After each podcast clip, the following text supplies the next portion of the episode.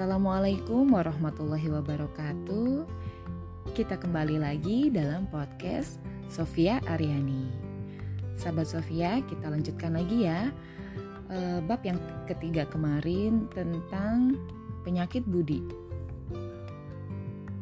Meskipun yang demikian telah tercapai, sekali-sekali jangan pula bangga dengan hasil itu.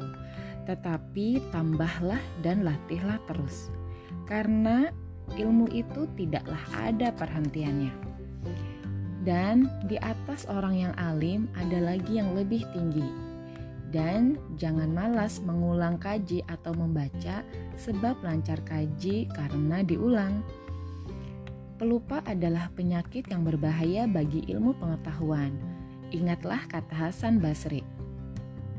Kekang nafsu ini baik-baik karena dia suka melonjak sendiri perbaharu tenaganya terus karena dia lekas bosan.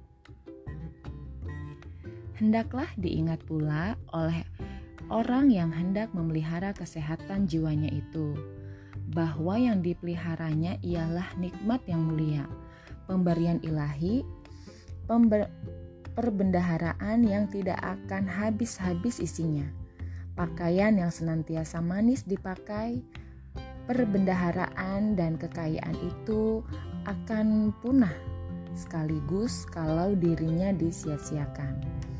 Cobalah lihat orang yang mencari kekayaan luar dari dalam dirinya sendiri, mendaki gunung, menuruni jurang, menyeberangi lautan bersusah payah, padahal kerap kali dia ditimpa kegagalan, bahkan penyesalan yang tidak putus tulang ngilu, badan menderita.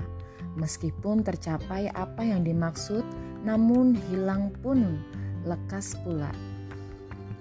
Bukan dari dalam diri, maka dapatnya mudah dan hilangnya pun mudah. Lantaran itu, hati pun tidak pernah merasa tentram dan payahlah badan serta jiwa karena menjaga barang yang tidak dapat dijaga. Kalau orang yang mencari sesuatu yang keluar dari dirinya itu orang yang berkuasa, berlipat ganda pula kesusahan, kepenatan, dan kecemasan yang menyerang dirinya. Dia harus selalu pula waspada menghadapi oposisi dan menghadapi orang yang dengki, jauh dan dekat. Tak lepas dari omelan penyesalan dan cacian orang lemah lembut dituduhkan lunak, bersikap tegas dituduh terlalu keras, baik dari baik dari ahli keluarga yang terdekat ataupun dari orang lain, tetapi dekat hubungan dengan dia. Dan tidak ada jalan maupun dan tidak ada jalan mana pun yang akan ditempuh yang semua akan menyenangkan dan memuaskan. Berita-berita yang mengecewakan hati akan sampai ke telinganya, tentang perangai anaknya, perangai istrinya, atau kelakuan pengiring-pengiring dan rombongan yang ikut bertengger di atas bahu kekuasaannya untuk kepentingan mereka sendiri, sehingga tidaklah pernah dia merasakan suatu, suatu saat pun yang aman tak diganggu. Padahal di antara mereka sesama mereka sendiri, ahli keluarga, pengiring dan rombongan, atau orang-orang yang telah dijadikan ahli majelis beliau itu pun tidak pula kurang dengki mendengki, hasad menghasad, dan satu menginginkan kejatuhan yang lain. Bertambah banyak pembantu yang tadinya diharapkan untuk membantu, bertambah banyaknya orang yang menjadi beban yang membuat hati beliau jadi risau. Kelihatan dari luar beliau itu senang, padahal tak lepas dari kesusahan. Dilihat secara lahiriah, beliau kaya, padahal nyatanya beliau miskin karena orang yang mendekatinya itu bukanlah hendak menambah kekayaan, melainkan hendak mencopot segala segala yang ada di tangannya. Yang saat menyakitkan hatinya ialah karena kedengkian orang kepadanya tetapi dia sendiri pun tidak lepas dari penyakit dengki, karena dia takut kalau-kalau ada pula raja lain yang melebihinya, atau ingin menyamainya atau merebut kekuasaannya. Dia miskin, kata Ibnu Maskawai selanjutnya. Bukankah yang dikatakan orang miskin itu orang yang terlalu amat banyak keinginan dan keperluan? Orang yang terlalu banyak keinginan itulah orang yang paling miskin. Dan orang yang paling kaya ialah orang yang tidak ing, yang tidak menginginkan apa-apa, tidak menghajatkan apa-apa. Oleh karena itu, tidaklah salah kalau kita ambil kesimpulan bahwasanya Allah adalah yang kaya dan segala yang kaya, karena Dialah yang tidak berhajat lagi kepada sesuatu, karena segala sesuatu adalah kepunyaannya.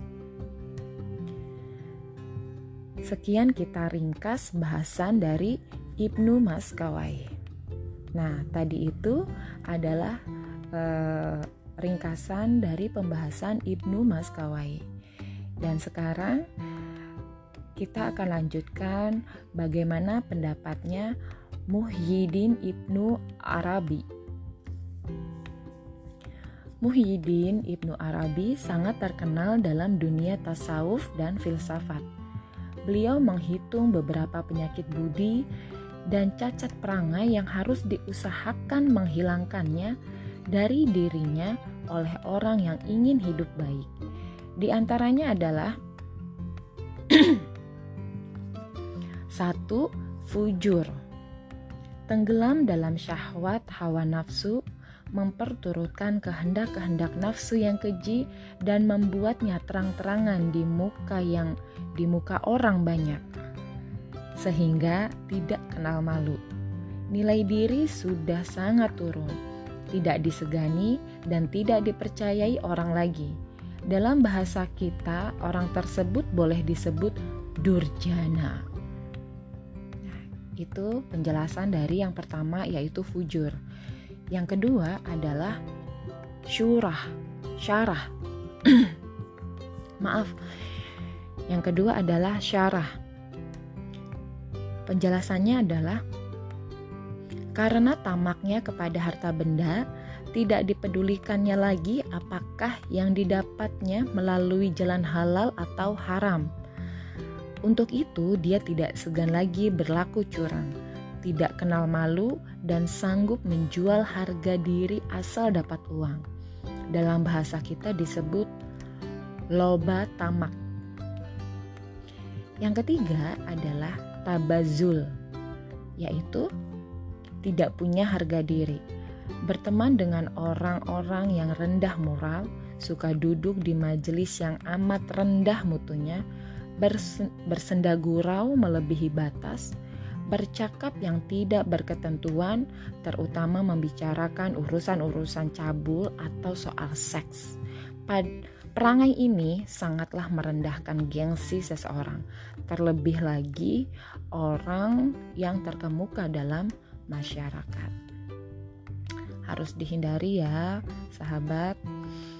Nah, yang ketiga, eh, masya Allah, yang keempat adalah safah, yaitu pantang tersinggung, lekas marah, memaki, lekas mengambil keputusan, membusukkan orang, dan lekas terkejut serta menyumpah serapah kalau bertemu dengan hal-hal yang mencemaskan.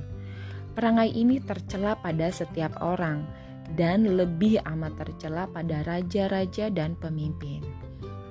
Hmm, yang keempat ini juga tidak boleh ada di dalam diri kita. Yang kelima yaitu hork. Hork yaitu penjelasannya adalah suka bercakap di sekeliling kepentingan diri sendiri dan kalau bercakap hanya dia saja yang mesti didengarkan orang. Gerak-geriknya tidak berpedoman, tertawa berlebih-lebihan, padahal bagi orang lain yang ditertawakan itu Padahal bagi orang lain yang ditertawakan itu bukan sesuatu yang dianggap lucu. Kalau ada giliran pertanyaan, dia yang lebih dahulu memberikan jawaban. Entah ja, entah benar jawab itu, entah tidak. Bukan soal. bukan masalah maksudnya. Asal dia turut bicara. Hal ini tercela buat semua orang dan sangat tercela bagi orang yang berilmu. Karena berguncang tanda tak penuh, beriak tanda tak dalam. Hmm, ini peribahasanya ya. Lalu wah masih banyak ya. Kita lanjutkan. Yang keenam adalah kosawah, yaitu berhimpun padanya benci dan dendam, disertai dengan kenekatan, sehingga tidak bergetar hatinya melihat orang lain dapat susah. Dalam bahasa kita disebut kasar budi atau kesat hati. Hanya satu waktu saja perangai ini diizinkan, yaitu bagi serdadu di medan perang. Baik, eh, sekian dulu yang kita baca pada hari ini dari bab yang ketiga yaitu penyakit budi.